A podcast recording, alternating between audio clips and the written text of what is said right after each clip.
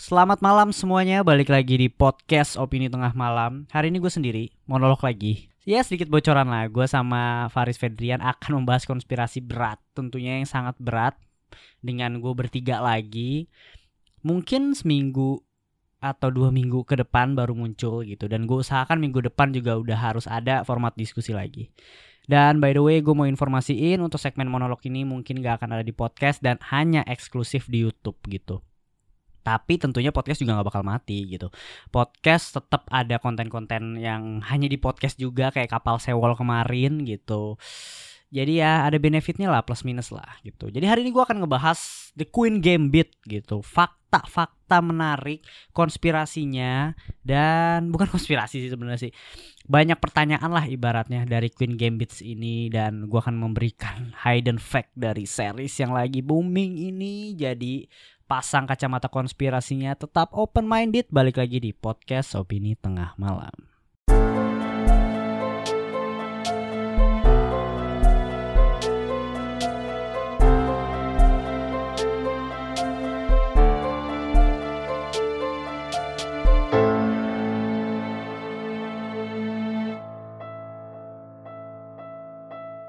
Oke, apa kabar para pendengar? Semoga sehat-sehat terus dan mendoakan saja gue bertiga akan muncul lagi dengan format diskusi yang kalian tunggu-tunggu.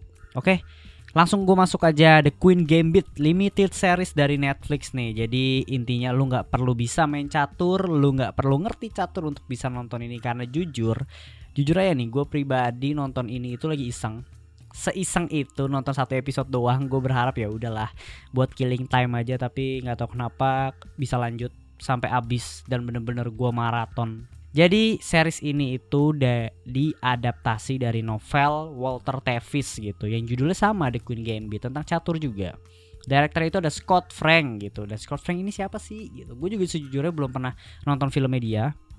Yang gue tahu dia adalah screenplay, lebih ke penulis co-writernya dari Logan gitu ya. Dan ini ada di Netflix, limited series cuma 7 episode, satu episode mungkin 40 sampai 50 menit. Dan castnya ini sebenarnya yang menarik. Ada Anya Taylor Joy, ada Thomas Brody Sangster. Nah, si Anya Taylor itu buat kalian yang masih inget dia itu adalah pemain di film Split dan The Witch gitu. The Witcher atau The Witch ya gue lupa. Dan Thomas Brody yes dia main di Maze Runner dan di sini perannya dia itu cukup krusial dan mirip banget sama Kang Mus preman pensiun cuy. Tapi jujur ya, kalau kalian lihat-lihat gitu, kalian coba buka si Thomas Brody ini dan kalian buka uh, Kang Mus di preman pensiun mirip banget kalau dia pakai kumis Nah, sinopsisnya itu apa sih? Sinopsisnya itu bercerita tentang seorang anak yatim piatu bernama Beth Harmon yang ditemukan sedang meratapi kematian ibunya gitu.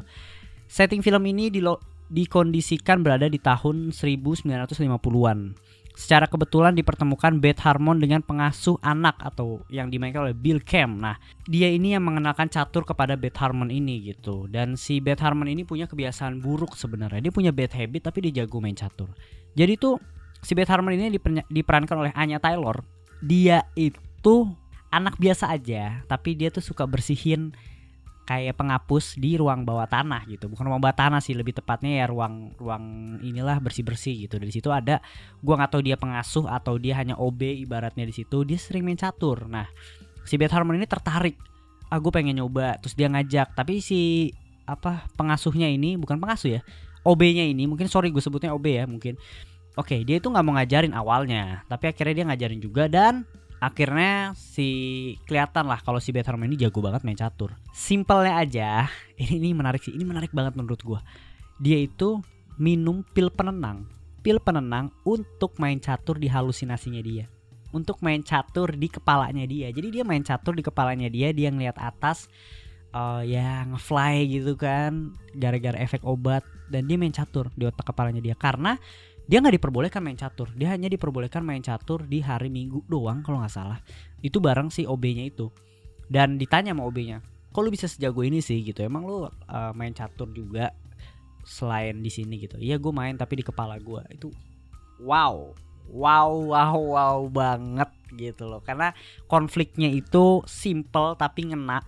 Gue nonton series ini gue nggak ngerti catur tapi gue jadi tertarik sama catur dan gue berasa nonton film detektif di mana ya lu bener-bener dibawa aja memecahkan suatu problem gitu latar tempatnya lu berasa di tahun segitu dan uh, langsung aja deh masuk ke faktanya biar tidak terlama-lama nah faktanya itu ini dari kincir.com dan beberapa website lainnya mengangkat isu feminisme gitu. Nah nih si ujar si Taylornya nih ya. Bahkan hingga kini kita masih memperjuangkan untuk mematahkan hal-hal seperti ini. Seperti ini itu apa ya? Stereotyping di mana orang main catur tuh cowok doang, cewek itu enggak gitu. Aneh aja kalau cewek main catur. Nah dia tuh di film ini tuh mengangkat feminisme ini di mana no man uh, semua bidang yang dilakukan cowok ketika cewek bisa melakukannya ya kenapa enggak gitu. Kita ini udah nggak ada yang namanya cowok-cowok cewek-cewek gitu loh. Udah nggak ada lah kita udah kesetaraan gender gitu. Fakta kedua itulah para pemainnya tuh nggak bisa main catur. Sebelumnya yes dia tuh nggak bisa main catur tapi di series ini mereka dipaksa main catur dan katanya si Anya Taylornya juga dia ngomong saya tuh nggak bisa main catur sebelumnya tapi saya sangat bersyukur bisa mendapatkan pengetahuan tentang catur dari orang-orang uh, yang dia kenal gitu sesimpel itu jadi aktor-aktornya mereka main catur nih. Wah ini pasti lu mikir wah ini keren juga nih mereka bisa kayak gini. Padahal pergerakan catur itu udah di setting sebelumnya sama para atlet catur. Jadi mereka hanya menggerakkan atau menghafalkan langkah-langkahnya gitu. Tapi di film ini di series ini lu tuh bisa ngelihat seolah-olah tuh pemerannya tuh emang bisa main catur. Berarti ya kualitas acting udah nggak bisa diraguin lagi lah dan fakta ketiga tuh Anya Taylor dianggap tepat memerankan Beth Harmon. Gua setuju parah. Gua setuju parah. Salah satu yang bagus banget di series ini adalah karakter developmentnya. Lu bisa ngeliat banget di mana si Beth Harmon yang diperankan oleh Anya Taylor ini dari dia culun sampai dia menurut gue betes banget gitu di mana kacau abis hidupnya mempunyai ketergantungan dengan alkohol dan lain-lain gitu. Itu perubahannya sangat bisa dilihat dirasakan tapi soft. Jatuh cinta gue sama si Beth Harmon ini. Lanjutnya itu ada The Queen Gambit is not a true story. Yes ini sebenarnya. Ini bagusnya. Jadi tuh film ini atau series ini tuh sering banget disangka-sangka atau di apa ya mungkin dibilang kalau ini tuh true story. Padahal enggak sama sekali Hebat kan? By the way, karakter-karakter yang ada di sini atau ceritanya itu sebenarnya sedikit terinspirasi dari kejadian nyata. Karakternya aja. Selanjutnya lagi nih ya.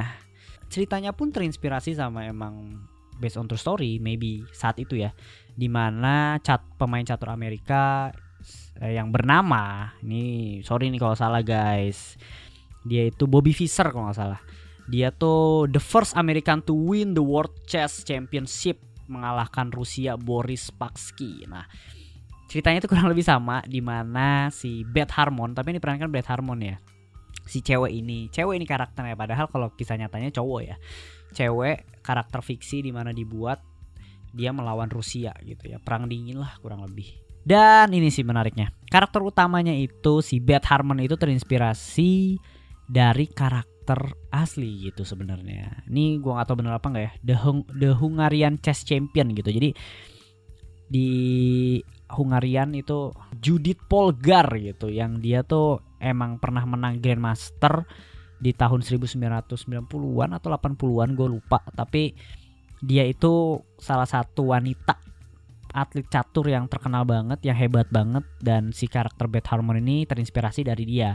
Tapi sikap-sikapnya enggak ya, sikap-sikapnya fiksi. Tapi ya uh, dibuat mungkin si penulisnya itu dibilang terinspirasi dari si karakter Judith Polgar ini. Kelihatan kok kalau kalian lihat dari rambutnya itu sama-sama merah sebenarnya. Dan nah ini nih. Walter Novel and Scott adaptation tap into that history and make you think it must be true story because it feels so real. Yes, tadi gue udah bilang si penulis novelnya gitu emang pinter banget sih menurut gue terlepas dari seriesnya emang penulis novelnya pinter banget karena dia bisa adaptasi suatu sejarah gitu yang dibuat dicampur dengan fiksi jadi sangat-sangat real banget.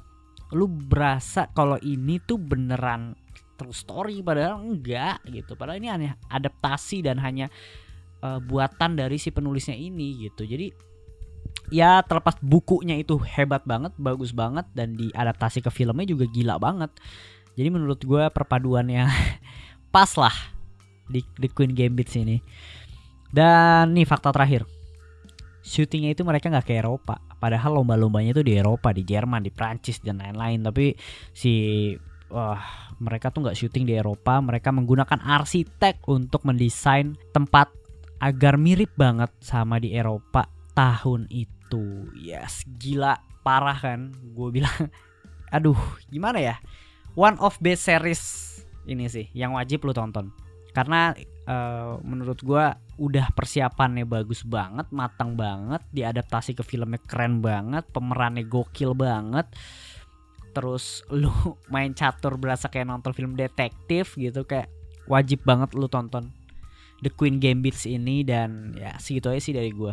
Semoga kalian apa ya mendapatkan insight-insight dari fakta-fakta hidden fact yang gue kasih tadi gitu. Dan segitu aja sih dari gue kalau ditanya rating mungkin ya 8,5 per 10 Oke segitu aja sih dari podcast hari ini. Semoga kalian nonton dan semoga kalian suka komen-komen komentarnya terkait konsep kayak gini. Kalau ada saran gue welcome banget. Oke selamat malam. Sampai ketemu di episode berikutnya